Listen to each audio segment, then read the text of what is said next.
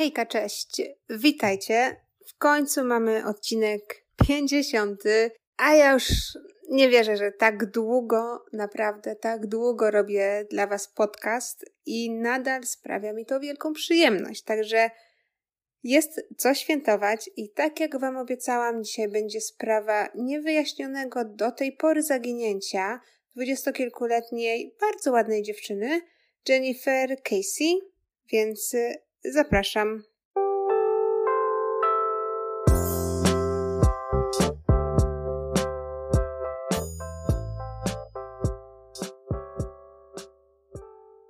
Słuchajcie, bez zbędnych wstępów dzisiaj, bo chciałabym, żeby ten odcinek był wyłącznie poświęcony sprawie zaginięcia, bo y, jest to dosyć frustrująca sprawa, bo okazuje się, że można zaginąć od tak z minuty na minutę i, i tak naprawdę tyle. Jednego dnia jesteście, normalnie chodzicie do pracy, spotykacie się ze znajomymi, macie normalne, zwyczajne życie, nie wiem, uprawiacie sport, sprzątacie mieszkanie, robicie lekcje z dziećmi, cokolwiek. Drugiego dnia wstajecie, szykujecie się, ubieracie do pracy, wychodzicie i tyle. Już nie wracacie. Mało tego, przy tej sprawie, bo wiem, że jest mnóstwo takich spraw, y, gdzie ludzie po prostu giną i, i nie można ich odnaleźć, a o sprawie, o której Wam teraz opowiem, jest to o tyle frustrujące, że takie malutkie niuanse działają na czyjąś korzyść lub na waszą niekorzyść. Także uzbrójcie się w cierpliwość, bo sprawa jest dosyć tajemnicza, frustrująca i zagadkowa. Tak jak wspominałam, sprawa dzisiejsza będzie dotyczyć y, Amerykanki Jennifer Casey. Jennifer urodziła się w maju w 1981 roku. I można by było powiedzieć, że początki jej życia no były tak naprawdę pisane jak z bajki. Miała wspaniałą rodzinę, cudownych rodziców, była dzieckiem nie tylko uroczym i ładnym, ale też była bardzo mądra. Od urodzenia Jennifer razem z rodzicami i rodziną mieszkali na, Flor na Florydzie, jako naprawdę malutka dziewczynka już pokazywała, że ma potencjał, ponieważ podobno już mówiła dosyć takimi pełnymi zdaniami w wieku, gdy przekroczyła rok życia. Rodzina ją uwielbiała, sąsiedzi ją uwielbiali. Jennifer miała bardzo, bardzo dużo dobrych znajomych. Tak jak mówiłam, w szkole szło jej świetnie. Koniec końców Krótko rzecz ujmując, Jennifer miała bardzo dobre relacje ze wszystkimi naokoło. Skończyła też studia w zakresie finansów i szybciutko znalazła bardzo dobrą pracę, miała parę propozycji, co nie do końca zawsze się zdarza ludziom, którzy ukończyli studia. Zawsze, wiecie, pewnie na swoim przykładzie, u nas też w Polsce, że no, pracy trzeba raczej szukać. Nikt tej pracy nie da ci gdzieś tam na chodniku przy galerii. A Jennifer miała parę propozycji, wszystkie propozycje pracy były dobre i wybrała pozycję w dużej firmie zajmującej się wynajmem domów na Florydzie. I szybko też w tej pracy awansowała na menadżera, także szło jej świetnie. I żeby dopełnić to życie jak z bajki, które wydaje się być takim życiem nie wydaje się, które było życiem, które tak naprawdę każdy by chciał. Żeby dopełnić e, to wszystko, Jennifer oczywiście miała też chłopaka. Chłopak Jennifer nazywał się Rob Allen. Okej, okay, to tyle, jeżeli chodzi o jakiś background.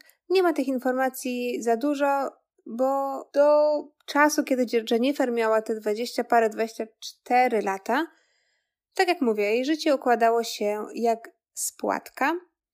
Mało tego, do tych wszystkich awansów w pracy, do tego cudownego chłopaka, do tych cudownych relacji z rodziną i najbliższymi, dołożę jeszcze fakt, że Jennifer w wieku 24 lat bodajże kupiła sobie mieszkanie w Orlando. Kupiła to mieszkanie za własne zarobione pieniądze, rodzice jej nie wspierali, z tego co się dowiedziałam. Więc wiecie, to jest no tak naprawdę już coś. 24 lata i mieć taką pewność finansową, że można kupić mieszkanie, no wydaje się po prostu życie jak z bajki, jeszcze raz to powtórzę, nie ma się tutaj do czego przyczepić. Ale wiadomo, nie mówiłabym o Jennifer, gdyby jej życie nadal układało się wspaniale i nic się w tym życiu złego nie wydarzyło. I tutaj teraz zbliżamy się do początku tak zwanej akcji. Przenosimy się do roku 2006. 19 stycznia Jennifer wyjechała ze swoim chłopakiem Robem na Wyspy Dziewicze. Oni mieli, z tego co się zorientowałam, taki związek na odległość, więc bardzo często robili sobie właśnie takie wyjazdy, spotykali się gdzieś w jednej lokalizacji, zamiast bez przerwy podróżować w tę i nazad do siebie, do, y, do, do, miesz do mieszkań. Czasami właśnie często nawet podróżowali sobie gdzieś tam indziej, żeby po prostu pozwiedzać. I tak też się stało 19 stycznia 2006 roku. Jennifer i Robert wylecieli na krótkie wakacje na Wyspy Dziewicze. Wylecieli w czwartek, a przylecieli w niedzielę 22 stycznia i przez te cztery dni w mieszkaniu Jennifer mieszkał jej brat Logan z przyjaciółmi. Jakoś tak się zgadali, że akurat Jennifer wyjeżdża. Logan pewnie zapytał, czy mogą przenocować u niej w mieszkaniu. No wiadomo, siostra, brat, nie ma problemu. Tu są moje klucze. Have fun. Jennifer razem z Robem przylecieli, wrócili z wakacji w niedzielę 22 stycznia, tak jak powiedziałam, i tę noc Jennifer spędziła w mieszkaniu u Roba, a potem stamtąd następnego dnia pojechała do pracy. Około 18 w poniedziałek Jennifer wróciła z pracy już do siebie do domu z zamiarem po prostu zrelaksowania się. Wiecie, jak to jest. Wakacje wakacjami, cztery dni gdzieś indziej, super fajnie, ale zdarza się tak, że po wakacjach jesteście po prostu bardziej zmęczeni niż przed. Tym bardziej, że nie ma takiego dnia jednego wolnego pomiędzy nawet krótkimi wakacjami a pójściem do pracy, bo Jennifer przyleciała ze swoim chłopakiem do jego mieszkania i potem od niego bezpośrednio poszła do pracy. Więc nie miała takiego troszeczkę, wiecie, czasu, chociaż pół dnia, żeby gdzieś tam zrelaksować się, nic nie robić. Więc gdy w poniedziałek y, po południu wróciła do swojego mieszkania, chciała po prostu wychillować. Po przyjeździe do domu Jennifer zadzwoniła do swojej rodziny, bo tak jak mówiłam, ona miała bardzo dobry kontakt y, z całą swoją rodziną. Zresztą jej rodzice bardzo ją uczyli tego, żeby była w życiu bezpieczna. Zawsze było tak, że jeżeli gdzieś idziesz na przykład wieczorem, to dzwoń do mnie, Pogadajmy nawet o bzdurach, ale pogadajmy, żebym ja wiedział, ja wiedziała, że z tobą już wszystko ok, że bezpiecznie dotarłaś do domu. Zawsze ją rodzice uczyli takiego, takiej zasady, żeby być po prostu w życiu ostrożnym. Zawsze Jennifer miała też y, gaz pieprzowy w torebce, telefon pod ręką, pilnowała, żeby ten telefon był naładowany, w razie czego żeby po prostu było do kogo zadzwonić albo z kimś się skontaktować. Nigdy nie wiesz, co cię w życiu spotka, więc zawsze lepiej jest być przygotowanym. Także jesteśmy w poniedziałku, 23 stycznia. Jennifer wróciła do domu z pracy, wykonała trzy telefony. Pierwszy telefon był do brata, Logana. Okazało się, że jeden z przyjaciół Logana zostawił telefon w mieszkaniu Jennifer i po prostu Logan zapytał się, jak mogą ten telefon odebrać. Jennifer umówiła się z nimi, że mogą go odebrać następnego dnia. Później Jennifer zadzwoniła do rodziców, rozmawiała z mamą i z tatą, i podczas rozmowy ze swoim ojcem, było to już dosyć późno wieczorem, ktoś zapukał do drzwi Jennifer i nie odpowiadał.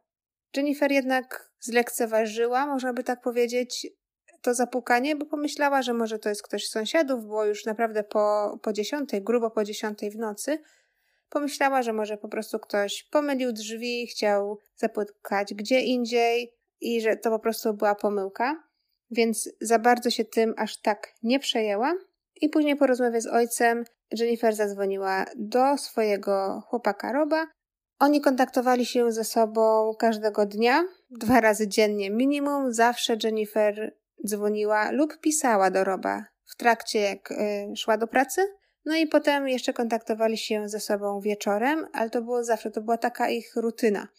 Zawsze, zawsze rano i zawsze, zawsze wieczorem ze sobą rozmawiali. Tak samo stało się też i w poniedziałek. Przed snem Jennifer zadzwoniła do Roba. Gdzieś tam niektóre źródła mówią, że się posprzeczali, ale nie wszystkie, więc y, można to tak gdzieś tam mieć z tyłu głowy, ale nie uważałabym to za jakiś taki olbrzymi lead albo coś takiego, co jest nienormalne, bo wiadomo, że czasami każda para od czasu do czasu się kłóci. To jest część relacji, po prostu. I mamy wtorek, 24 stycznia, i tutaj dzieją się rzeczy, które wcześniej nie działy się u Jennifer, albo z Jennifer. Jennifer była taką osobą, która była dosyć regularna. Miała swoją rutynę, której się trzymała. Tak jak mówiłam, rano zawsze jak szła do pracy, to dzwoniła do Roba lub pisała SMS-a w zależności od tego akurat, co tam miała w planach. Zawsze się pojawiała w pracy. Nie było tak, że gdzieś tam dzwoniła, mówiła, że jest przeziębiona, jak nie była przeziębiona, albo po prostu nie, nie chodziła do pracy, jak jej się nie chciało. Nie, nie było czegoś takiego. Jennifer zawsze pojawiała się w pracy, zawsze była sumienna, traktowała swoją pracę poważnie. Dlatego też nastąpiło wśród pracowników Jennifer zdziwienie, gdy Jennifer nie pojawiła się w pracy, nie powiedziała wcześniej nikomu, że się nie pojawi w tej pracy, więc każdy oczekiwał, że Jennifer po prostu przyjdzie do pracy o dziewiątej rano, usiądzie przy biurku, zacznie pracować, zacznie pić kawę, zacznie gadać ze znajomymi. To się nie wydarzyło. Mało tego, Jennifer tego dnia miała dosyć ważne spotkanie o 11 i na tym spotkaniu też się nie pojawiła. W międzyczasie Rob próbował się z nią skontaktować, pisał do niej SMSy. Jennifer na te SMSy nie odpowiedziała. Rob próbował do niej zadzwonić. Telefon milczał, był wyłączony. Każde połączenie szło do, do poczty głosowej. Uznał to za dosyć dziwną rzecz, ale wiedział, że Jennifer ma ważne spotkanie, więc Pomyślał sobie, że może jest w stresie, może czegoś zapomniała, może nie chce, żeby jej przeszkadzano, więc zmartwił się, wiadomo, troszeczkę, ale pomyślał sobie, że nic wielkiego się nie dzieje, Jennifer po prostu chce się skoncentrować na pracy i pewnie do niego zadzwoni po spotkaniu. Około 11 rano w końcu współpracownicy zadzwonili do rodziców Jennifer, ponieważ rodzice byli na liście kontaktowej w razie gdyby coś się wydarzyło, więc nikt nie mógł się skontaktować z Jennifer, Jennifer nie przyszła do pracy, jej telefon był wyłączony, więc normalną drogą jest po prostu kontakt z kimś po prostu z rodziny. Jak możecie się domyślać, rodzice Jennifer byli troszeczkę w szoku, że Jennifer nie ma w pracy i nie można się z nią skontaktować, bo tak jak wspomniałam, to nie było w stylu Jennifer. Ona zawsze była taką wzorową uczennicą z czerwonym paskiem i ona zawsze była przygotowana, tym bardziej, że tak jak Wam już wspominałam, rodzice bardzo ją uczulali na te, na takie niuanse, żeby być bezpiecznym. Więc to, że Jennifer miała wyłączony telefon, gdzie rodzice ją uczulali, żeby zawsze mieć telefon włączony, żeby patrzeć, że jest bateria naładowana w razie czego, to już było taką czerwoną lampeczką, która zapaliła się w głowach rodziców i bez zbędnego myślenia rodzice po prostu wsiedli w samochód i pomyśleli, żeby pojechać do Jennifer, do mieszkania, bo może coś się wydarzyło w mieszkaniu. Nie mieszkali daleko od siebie, dwie godziny drogi samochodem, więc to nie była jakaś wielka wycieczka. Więc niewiele myśląc, po prostu zapakowali się w samochód i pojechali.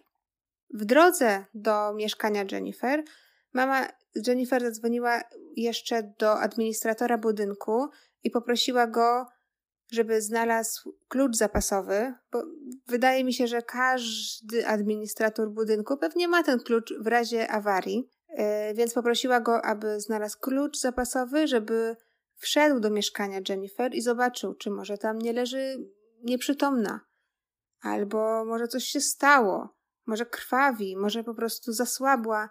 No, nie wiadomo. Zapytała się też y, administratora, żeby zobaczył, czy Jennifer wzięła samochód, czy ten samochód jest jeszcze na parkingu, czy go nie ma.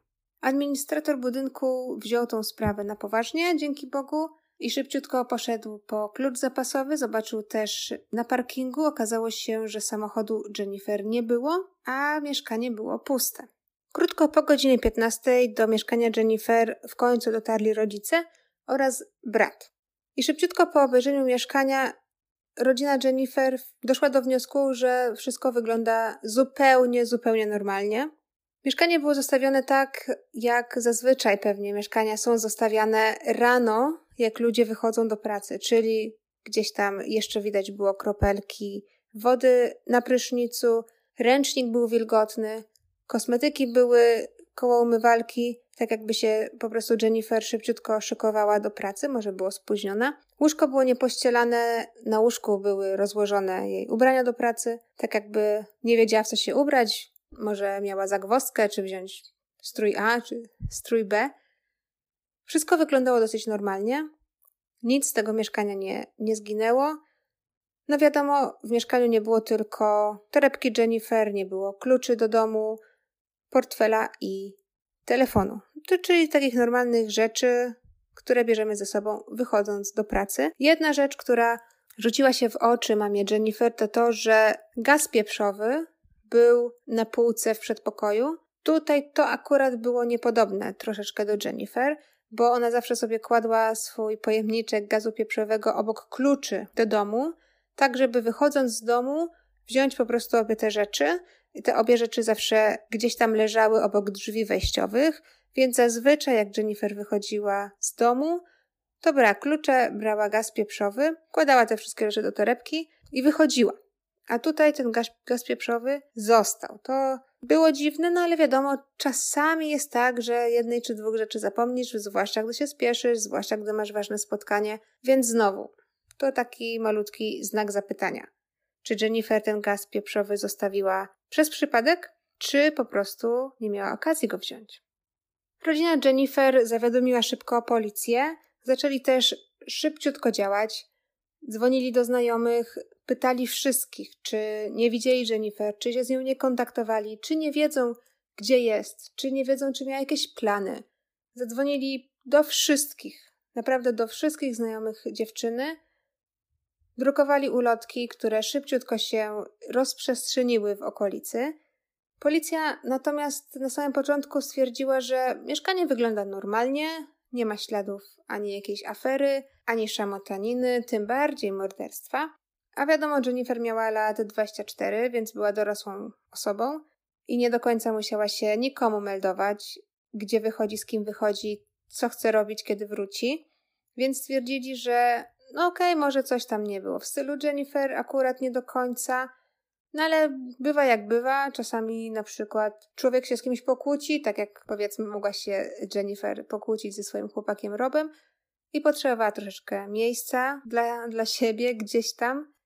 Może po prostu wyszła, wróci wieczorem. Rodzice nie do końca się z tym zgadzali, bo po prostu znali swoje dziecko. Wiedzieli, że Jennifer zawsze zamyka za sobą drzwi, że zawsze uważała na swoje bezpieczeństwo i na pewno nie wyszłaby, nawet gdyby miała najgorszą kłótnię z Robem, nie wyszłaby nigdzie bez telefonu, nie wyłączyłaby po prostu tego telefonu. Bo nie wiadomo, no, do tej pory myślę, myślimy, że Jennifer ma telefon, tylko po prostu telefon jest albo wyłączony, albo rozładowany. To się Jennifer po prostu nie przydarzało. Także rodzice szybciutko przekonali policję, że to nie jest ucieczka, bo Jennifer nie miała powodu uciekać i coś się jej stało. Ulotki z jej zdjęciem zostały szybko wywieszone w okolicy, i tutaj trzeba zaznaczyć, że kompleks mieszkań, gdzie y, Jennifer kupiła swoje mieszkanie, to było nowe osiedle. I wyobrażacie sobie, jak jest na nowym osiedlu. Część bloków już jest, część bloków dopiero powstaje, gdzieś tam jest dół, gdzieś tam nie ma jeszcze chodnika. Brama do tego osiedla niby strzeżona, osiedle niby strzeżone, ale brama była zawsze otwarta, bo to była po prostu budowa, która się działa w czasie rzeczywistym, więc nikt nie zamykał bramy, ponieważ mnóstwo robotników wchodziło, wychodziło, a robotnikom, wiadomo, nie ma sensu im produkować jakichś kart bezpieczeństwa, nie ma sensu, żeby był jeden człowiek, który bez przerwy otwierał domofon albo bramę, więc ta brama była otwarta. Nie było też monitoringu jeszcze zamontowanego, bo wszystko było w budowie. I tutaj pierwsza rzecz, która działa na niekorzyść Jennifer, to co Wam wcześniej wspominałam na samym początku, to, że nie było tego monitoringu. Zazwyczaj, gdy jesteś na nowym osiedlu, strzeżonym osiedlu, można szybciutko zobaczyć, co się dzieje z tobą. Wiadomo, wszędzie jesteśmy monitorowani, to źle i dobrze, ale w tym przypadku było to by akurat dobra rzecz, ponieważ byśmy wiedzieli, czy jeżeli by ten monitoring działał, wiedzielibyśmy, czy Jennifer wyszła sama, czy wyszła po prostu z zamiarem wyjścia do pracy, czy ktoś ją gdzieś zaciągnął, w jakim stanie wyszła, czy była ubrana do pracy, czy może była ubrana w dresy na jogging i nie miała zamiaru do tej pracy iść, czy dotarła do samochodu, czy w samochodzie była sama. Takie podstawowe pytania bylibyśmy na nie w stanie odpowiedzieć, gdyby był monitoring, to niestety tego monitoringu nie było. Druga rzecz jest taka, że jako nowe osiedle, wiadomo, że część mieszkań jest jeszcze niezamieszkałych i tutaj też sporo mieszkań było jeszcze pustych, więc nie było świadków tak naprawdę. Nikt się nie znał, to po pierwsze. Po drugie, było mało osób, które się wprowadziło, więc wiadomo, policja pytała, rodzina pytała, ale nikt nie wiedział, co się z Jennifer stało, nikt jej nie widział, albo po prostu nie wiedzieli, kim Jennifer jest. Jakiś lead pojawił się w czwartek, 26 stycznia, czyli trzy, trzy dni od zaginięcia Jennifer. Na policję zadzwonił mężczyzna, który widział informację o zaginięciu kobiety w telewizji. Mężczyzna powiedział, że na jego osiedlu, które było oddalone od osiedla Jennifer o jakiś kilometr, czyli bardzo, bardzo blisko, na tym osiedlu od paru dni jest zaparkowany samochód, który pasuje do opisu samochodu Jennifer, który mężczyzna właśnie widział w telewizji. Policja pojechała na miejsce, okazało się, że to faktycznie jest samochód Jennifer. Zawołano też Roba, żeby poproszono go, żeby przyjechał na miejsce, żeby zobaczył, czy ten samochód jakoś wygląda dziwnie, czy coś w nim jest, czego nie powinno być, albo czy coś brakuje. I Rob faktycznie stwierdził, że jest to dziwne, ponieważ drzwi od strony kierowcy są przesunięte do tyłu. Wiecie, jest tak, jak prowadzicie samochód, no to ustawiacie sobie siedzenie tak, jak wam jest wygodnie. A Jennifer, jako kobieta, jako kobieta, która nie była najwyższa, miała to siedzenie dosyć blisko kierownicy. A w momencie, kiedy Rob przyjechał na, na miejsce, gdzie znaleziono samochód y, Jennifer, okazało się, że to siedzenie po prostu jest przesunięte i Jennifer zazwyczaj tak nie jeździła i to wydało się dziwne. Stwierdzono też, że w samochodzie tak naprawdę nic nie brakuje. To daje nam taką konkluzję, że cokolwiek stało się z Jennifer w tym momencie, to na pewno nie był motyw, żeby ją obrabować, to nie był motyw pieniężny, bo na przykład wzięliby jakieś cenne rzeczy z samochodu, chociażby odtwarzać CD. Wiadomo, że w 2020 roku odtwarzać CD już się ich chyba nawet nie wkłada do samochodów, ale to, był, to jest rok, przypominam, 2006, początek, styczeń 2006, więc y, odtwarzacz CD to była gratka dla ludzi.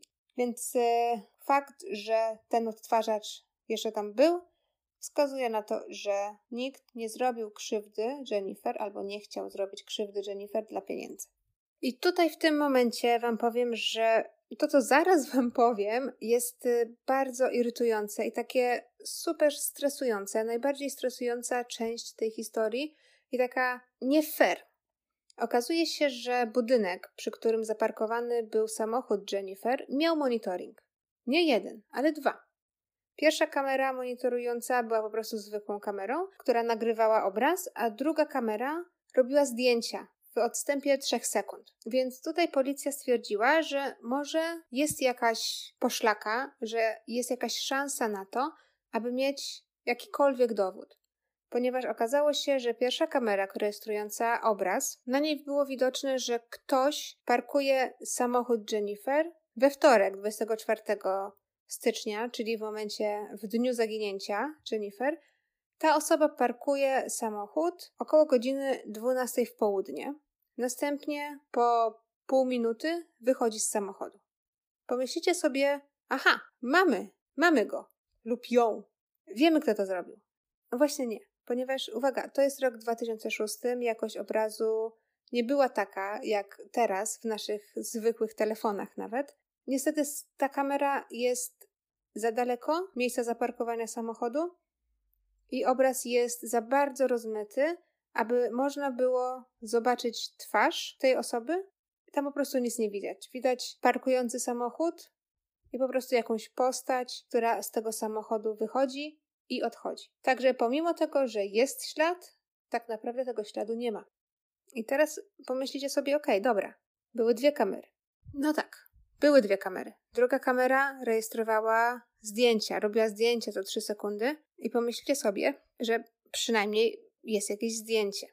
A no właśnie, wyobraźcie sobie, bo tutaj teraz fajnie to jest, jak oglądacie jakieś wideo na YouTubie, gorzej jest to wszystko opowiedzieć, ale musicie sobie teraz wyobrazić taką scenę.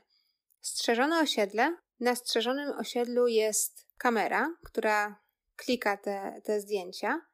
Kamera jest skierowana do wejścia na osiedle, a za wejściem na osiedle jest chodnik. Ok? I teraz wejście na osiedle jest zamknięte bramą. Taka zwykła, normalna brama z pionowymi kratami. Tak jak zazwyczaj widzimy na nastrzeżonych osiedlach w całej Polsce. I teraz uwaga, kompletny, zupełny przypadek. I to jest to, o czym mówiłam Wam na samym początku, że pewne rzeczy dzieją się tak przypadkowo i pewne przypadki mogą tak zaważyć na losach, na Waszym życiu, na, na, na śledztwie, że to się w głowie nie mieści. Uwaga, kamera rejestrująca zdjęcia zarejestrowała osobę, owszem, ale jej twarz. Mamy dwa zdjęcia tej osoby, i na obu zdjęciach twarz tej osoby jest zasłonięta przez kraty bramy. Tak, jest takie frustrujące i zbiera się w was taki gniew, że what the f, jak jest to możliwe? Ta osoba, która wychodziła z samochodu Jennifer, ktokolwiek to był, bo nie wiadomo, bo mamy ob dwa obrazy, tak naprawdę trzy, tak? Jedno wideo zamazane za daleko i dwa zdjęcia z zasłoniętą twarzą przez kraty bramy, która jest zamknięta trzy dowody. Jak jest to możliwe, że z, żadne, z, żadnego z tych dowodów nie można skorzystać? Bo nie wiadomo, nawet nie wiadomo, czy ta osoba, która wychodziła z samochodu Jennifer, czy to był mężczyzna, czy to była kobieta. Nie da rady nic powiedzieć. Oprócz tego, że ta osoba jest szczupłej postury, miała jasne ubranie i ciemne włosy. Tyle. Nawet naprawdę nie. nie ja zobaczyłam te zdjęcia w internecie nie da rady stwierdzić, czy to jest kobieta, czy mężczyzna. Na pierwszy rzut oka stwierdzam, że to jest taki szczupły mężczyzna, potem myślę, no to jednak może być szczupła kobieta. Nie da rady. I wyobraźcie sobie, ta osoba, wiadomo, że to nie Jennifer, na pewno wiadomo, że to nie była Jennifer, bo Jennifer miała długie blond włosy, a osoba na zdjęciach była brunetką lub był brunetem. Więc jedna rzecz na pewno to, że to nie była Jennifer. Zresztą rodzice by ją rozpoznali, także tutaj nie ma wątpliwości. Ale ta osoba, jakie ta osoba miała szczęście. No, urodzona pod szczęśliwą gwiazdą. W tym wypadku policja jeszcze raz przeszukała samochód Jennifer. Okazuje się, że wszystkie ślady zostały starannie wyczyszczone, że samochód był bez żadnej skazy. Gdzieś tam na tylnym siedzeniu był odtwarzacz DVD Roba, czyli jej chłopaka, co znowu wykluczyło motyw rabunkowy. Znaleziono jedynie mały kawałek odcisku palca, ale znowu ten odcisk palca okazał się zbyt mały, aby go zanalizować, więc to tak naprawdę dowód, a nie dowód. To tak samo jak z tym nagraniem. Jest nagranie, ale go nie ma. Bez sensu. Co ważne, w całym samochodzie nie odnaleziono telefonu Jennifer, nie odnaleziono jej kluczy, ani jej torebki. Jennifer miała też iPada, też go nie odnaleziono. Tego iPada też zawsze ze sobą y, nosiła. Nie odnaleziono też telefonu, tego drugiego telefonu, którego kolega brata zostawił u Jennifer w mieszkaniu. Zatem wydaje się, że Jennifer rano włożyła wszystko do torebki, czyli klucze, iPad, swój telefon, telefon kolegi brata w mieszkaniu nie było też żadnych śladów walki, więc wydaje się, że Jennifer po prostu rano przyszykowała się do wyjścia, spakowała wszystkie te rzeczy do torebki i wyszła. Ważny jest też fakt, że karta kredytowa Jennifer nie została do tej pory jeszcze użyta ani razu. I to wszystko dało pomysł śledczym, że hej, coś jest nie tak, wiadomo, ale to, że nie ma ani śladów walki w mieszkaniu, ani to, że to wszystko takie, tak się, takie wydaje się dziwne, że wiecie, Jennifer szykuje się do pracy, nagle do tej pracy nie idzie, a wszystko wydaje się dosyć normalne. Śledczy mieli pomysł, że ktoś, kto, jeżeli Jennifer została uprowadzona, bo na to wszystko wskazuje, to zrobił to ktoś, kogo Jennifer znała i wpuściła do mieszkania i z nim po prostu wyszła. Drugą opcją na to, co zadziało się tego ranka, było to, że Jennifer mogła wyjść z mieszkania i zostać zaatakowana na parkingu w drodze do samochodu. W tym momencie policja też praktycznie zupełnie wykluczyła teorię, że Jennifer po prostu uciekła. W sensie miała taki kaprys, wyszła, nie chciała mieć już nic wspólnego z rodziną, z przyjaciółmi, z pracą, z chłopakiem i po prostu wyszła poszukać lepszego życia. Na ten moment policja już wykluczyła tę teorię i wzmożyła poszukiwania jako, y, szukała Jennifer jako po prostu zaginionej osoby.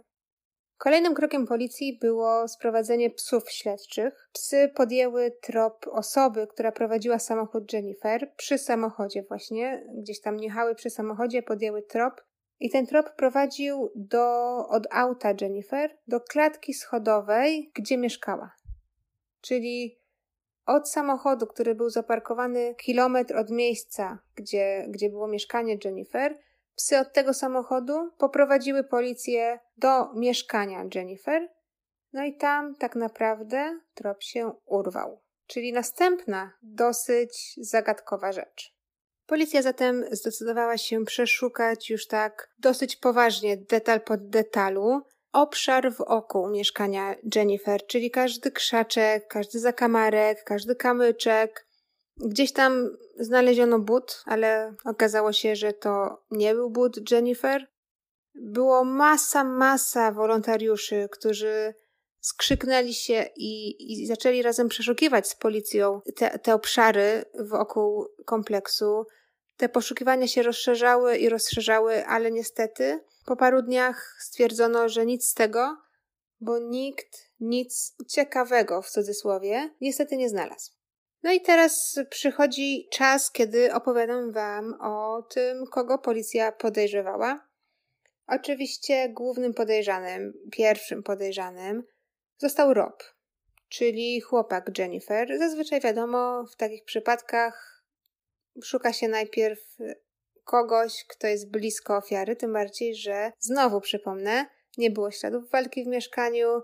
Policja podejrzewała, że ktoś, kto uprowadził Jennifer, był to ktoś, kogo Jennifer znała. A mówiłam wam wcześniej, że były plotki, że, że przed zaginięciem Jennifer pokłóciła się ona z Robem, czy mieli jakąś tam sprzeczkę, więc tutaj może był jakiś mini motyw. Jednak Rob miał e, niepodważalne alibi i policja po prostu porzuciła ten trop.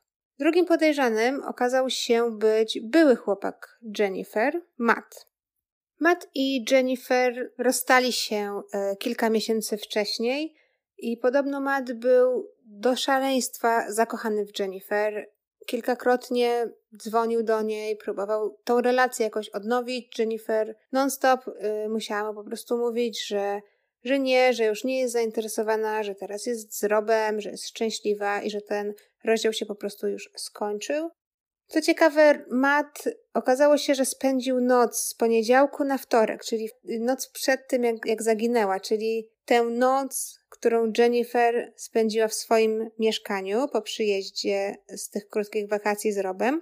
Matt był w barze, który był naprzeciwko jej mieszkania. I to wydaje się już podejrzane, ale koniec końców śledczy znaleźli świadków, którzy potwierdzili niewinność Mata, dając mu alibi i to byli świadkowie, którzy nie byli ze sobą związani. Nie, nie było po prostu tam żadnego podejrzenia, że, że, że, że Matt robił co innego niż po prostu siedział w barze i pił. Więc obaj, obaj panowie, zarówno Rob, jak i Matt, zostali oczyszczeni z zarzutów. Kolejnym lidem byli robotnicy na budowie, czyli w tym kompleksie, na tym osiedlu, gdzie Jennifer mieszkała, mówiłam wam, że to osiedle było w budowie, więc tam kręciło się masa robotników. Niektórzy z nich zaczepiali Jennifer, bo ona była ładną dziewczyną, więc gdzieś tam gwizdali, jak ją zobaczyli.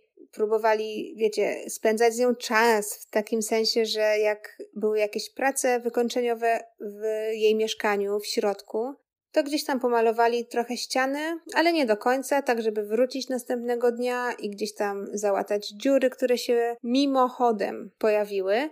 Także były jakieś takie podchody, zabawy w kotka i myszkę, ale nie wiadomo, czy to były po prostu takie podchody, bo no wiadomo, robotnicy pomimo tego, że mieli pracę, to gdzieś tam była ładna kobieta, gdzieś tam, wiecie, tak jak e, dzieci w przedszkolu. Pomimo tego Jennifer zawsze, tak jak wam mówiłam, że ona była ostrożna, Także gdzieś tam do swojej rodziny skarżyła się na tych robotników, że ją zaczepiają, i że nie do końca czuje się tak bezpiecznie, więc w razie gdyby coś się wydarzyło, zawsze, ale to zawsze, kiedy robotnicy byli u niej w mieszkaniu, drzwi do mieszkania były otwarte na oścież, a Jennifer, podczas gdy robotnicy byli u niej w mieszkaniu i coś tam kończyli, Jennifer zawsze rozmawiała przez telefon ze swoim tatą. Policja oczywiście przyjrzała się robotnikom, ale gdy sprawa zaginięcia Jennifer nabrała rozgłosu, robotnicy nagle zaczęli znikać. Okazało się, że powodem znikania robotników było to, że zdecydowana większość z nich to byli imigranci, którzy nie byli zarejestrowani jako pracownicy, więc po pierwsze bardzo ich trudno jest gdzieś tam ścigać. Wiecie, nie było monitoringu, nie mieli dokumentów, nikt ich w papierach nigdzie nie wpisywał. I większość z nich się po prostu bała, że zostaną deportowani, że będą mieć jakieś problemy, więc utrata pracy na, na budowie nie była aż takim wielkim poświęceniem, żeby zostać. Wiecie, z jednej strony zostaniecie, policja was przeszuka, przepyta i nawet jeżeli nic nie zrobiliście, nawet jeżeli nigdy w życiu na oczy nie widzieliście Jennifer, to jesteście pracownikiem, który nie jest zarejestrowany, więc wiadomo, to jest prosta droga do deportacji, więc większość z nich po prostu się ulotniła. No i tutaj trop robotników też się kończy. Kolejnym tropem dla śledczych był współpracownik Jennifer. Okazuje się, że mężczyzna miał obsesję na punkcie Jennifer i że w pracy ją nagabywał, że chciałby się z nią spotkać, wyjść na randkę, związać się z nią, ale Jennifer kilkukrotnie mu odmawiała. Mówiła, że nie jest zainteresowana, że nigdy w życiu nie spotykałaby się ze swoim współpracownikiem, bo po prostu miała taką zasadę. A na dodatek y, mężczyzna był żonaty, więc y, Jennifer po prostu nie była zainteresowana. Ale okazuje się, że owy mężczyzna bardzo źle zniósł to, że Jennifer wyjechała na wakacje, spędziła ten dłuższy weekend ze swoim chłopakiem. Był no wręcz rozeźlony, był po prostu taki, że, że no to mu nie pasowało. Ciekawy fakt jest taki, że w momencie, w dniu zaginięcia Jennifer, czyli we wtorek, owy mężczyzna spóźnił się do pracy. Mało tego, gdy kolejnego dnia któryś inny pracownik rozmawiał z, z mężczyzną o, o, zaginięciu Jennifer, ten mężczyzna powiedział, że Jennifer e, prawdopodobnie została już zjedzona przez aligatory. Tak sobie, wiecie, tak sobie rzucił, nie? Takie zdanie.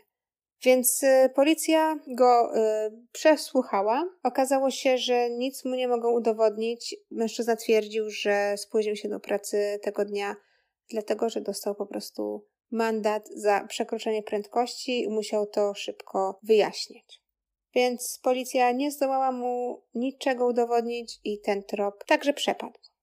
I tu kolejny raz, może to zbieg okoliczności, ale widzicie, kolejny raz, gdy coś jest takiego już niewyjaśnionego, gdzie coś można się zaczepić, że kurczę, no, facet nie tylko miał obsesję na punkcie Jennifer, ale się wkurzył, że wyjechała na wakacje ze swoim chłopakiem, próbował nagabywać do związku.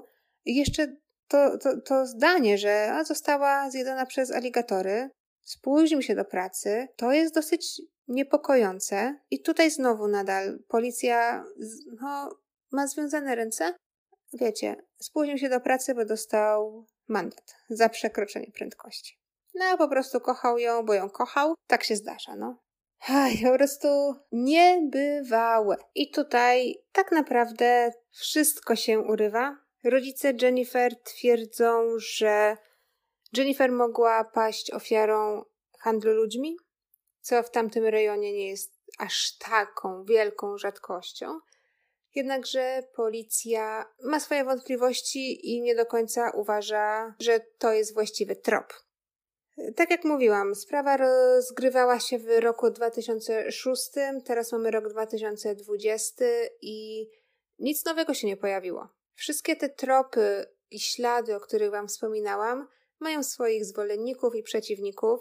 W internecie pełno jest wzmianek o tym, że to mógłby być faktycznie ten y, współpracownik, który wspomniał, że Jennifer teraz na pewno już się utopiła i dawno ją zjadły aligatory. No takich rzeczy się nie mówi, chociaż z drugiej strony wiadomo, był bardzo wzburzony tym, że Jennifer nie chciała z nim być, że pojechała na wakacje ze swoim chłopakiem. To mogło mu się po prostu tak wymsknąć. Czasami mówimy rzeczy, o których nie mamy pojęcia, których tak naprawdę nie chcemy, więc to, to mogło być tak, że ten człowiek po prostu palnął głupotę i nie pomyślał. Ciężko stwierdzić. Tak samo y, ludzie w internecie mówią, że człowiek, który został ujęty na tych zdjęciach z kamery, ten, który wychodził z samochodu Jennifer, on na pewno wygląda jak człowiek, sądząc po ubiorze, wygląda jak malarz, który mógłby pracować właśnie na budowie w kompleksie Jennifer. I to wskazywałoby na to, że któryś z pracowników budowy miałby coś wspólnego z zaginięciem Jennifer. Z trzeciej strony mamy jeszcze przecież tego eks-chłopaka, który gdzieś tam przypadkiem był w barze w, naprzeciwko y, mieszkania Jennifer w nocy, kiedy Jennifer zaginęła. Jedno jest pewne, że rodzina Jennifer nie spoczywa, że tak powiem. Bez przerwy krążą, wynajęli prywatnego detektywa, bez przerwy pojawiają się w mediach. Jest nagroda dla kogoś, kto ma, ma jakieś wieści w sprawie Jennifer, to wszystko się toczy, sprawa jest otwarta. W zeszłym roku przeczytałam gdzieś, że akta sprawy Jennifer mają ponad, uwaga, 16 tysięcy stron. 16 tysięcy stron akt, notatek, rozmów, śladów, przesłuchań. I pomimo tak ogromnego zaangażowania i pomimo takiego medialnego szumu, gdzie sprawa Jennifer była na ustach wszystkich w Orlando, gdzie mieszkała Jennifer. Sprawa pojawiała się w wiadomościach. Fox News, BBC, wszyscy, wszyscy, wszyscy o tym mówili. Gdzieś tam kiedyś nawet wydrukowano no, w więzieniu, na, na kartach. Czasami jest tak, że w więzieniach w Ameryce na kartach do gry dla więźniów drukuje się zdjęcia zaginionych osób. W razie gdyby jakiś skazaniec miał jakieś informacje na temat jakiejś e, osoby, no to gdzieś tam tutaj też pozostawiają pole do, do, do kontaktu, ale nic, nic się nie wydarzyło. Ta sprawa jest dla mnie taka smutna, bo z jednej strony to jest dziewczyna, która miała przed sobą całe życie, która bardzo zwraca uwagę na swoje bezpieczeństwo, która miała świetny kontakt ze wszystkimi wokoło, miała dobrą pracę, fajnego chłopaka, kupiła mieszkanie, wszystko układało jej się fajnie i kurczę, jeżeli została uprowadzona, jeżeli mamy ślady jakiekolwiek w postaci wideo i tych zdjęć, nie, nie można ich zidentyfikować. Inna rzecz jest taka, że na osiedlu nie było monitoringu jeszcze. I kolejna rzecz jest taka, że najprawdopodobniej, jeżeli ktokolwiek porwał Jennifer, no to okazało się, że to jest osoba, którą Jennifer znała z prywatnego życia bądź z widzenia, może to któryś z y, właśnie z tych y, osób, które pracowały na budowie, może to jej kolega z pracy, może to jej chłopak, były chłopak, może to ktokolwiek inny. Pytań jest mnóstwo, sprawa jest bardzo frustrująca i taka niesprawiedliwa. No, przepraszam, tyle mam na ten temat do powiedzenia. Jeżeli chodzi o to, co ja myślę, Mogło się tak wydarzyć, że w sprawę zamieszani są właśnie pracownicy budowy. Tak uważam. Koniec końców były to osoby imigranci, tak jak już wspomniałam, którzy nie są zarejestrowani, a jeżeli nie jesteś zarejestrowany, no to już troszeczkę masz w tyłu głowy, aha, słuchaj, jeżeli coś się stanie, to ciężko mnie zlokalizować, nie? Podejrzewam, że imigranci w Ameryce, którzy pracują na budowach, nie mają, jakby to określić, może są z takiego środowiska, które może gdzieś tam napotyka zbrodnie. Więc może ta zbrodnia gdzieś tam w, tych, w tym ich środowisku jakby była na porządku dziennym, albo była akceptowana, albo przynajmniej znana. No i wiecie, jak to jest trudno skrzyknąć jakieś dwie, trzy osoby, mężczyzn. Wiedzieli, że Jennifer mieszka sama, wiedzieli, że na osiedlu nie ma monitoringu, ponieważ osiedle jest nowe. Znali osiedle na tyle, że wiadomo, gdzie jest takie miejsce, gdzie, gdzie są takie miejsca, gdzie można popełnić zbrodnie. Czy to morderstwo, czy to gwałt, czy to uprowadzenie. Także ja bym się skłaniała ku tej opcji. Nie wiem, co wy na ten temat myślicie. Bardzo jest też możliwe, że policja nie znalazła właściwego tropu. To też jest możliwe. Dajcie znać, yy, piszcie w komentarzach, piszcie wiadomości, Wiadomo, że to jest y, nieprawdopodobne, ale może ktoś akurat ma jakieś podejrzenia i może jakoś y, dałoby radę z tych podejrzeń ut utkać coś, co potem można dalej rzucić w świat. Wiadomo, że to jest y, sprawa, która już ma swoje lata, to jest też sprawa z Ameryki. Więc ciężko tutaj y, pomyśleć, że ktokolwiek gdzieś tam zna lub widział Jennifer, ale wiecie, jeżeli to jest handel ludźmi, to nigdy nic nie wiadomo. Nie mówię, że, że, że akurat ci wszyscy ludzie trafiają do Polski, ale no zdarza się, że człowiek ucieka z niewoli. Słuchajcie, mało jest takich spraw, które tkwią bardzo mocno i które mnie bardzo, bardzo mocno poruszają. Wszystkie sprawy są oczywiście takie dosyć e, smutne, ale ta jest taka nad wyraz smutna. Chciałam się nią z Wami podzielić. Myślę, że to jest dosyć taka sprawa mocna i na tyle ma niewyjaśnionych wątków, że 50 odcinek jakby zasługuje na taką mocną sprawę, jak sprawa Jennifer. Dzięki, że słuchacie, dzięki, że pamiętacie o mnie, żeby gdzieś tam mnie posłuchać.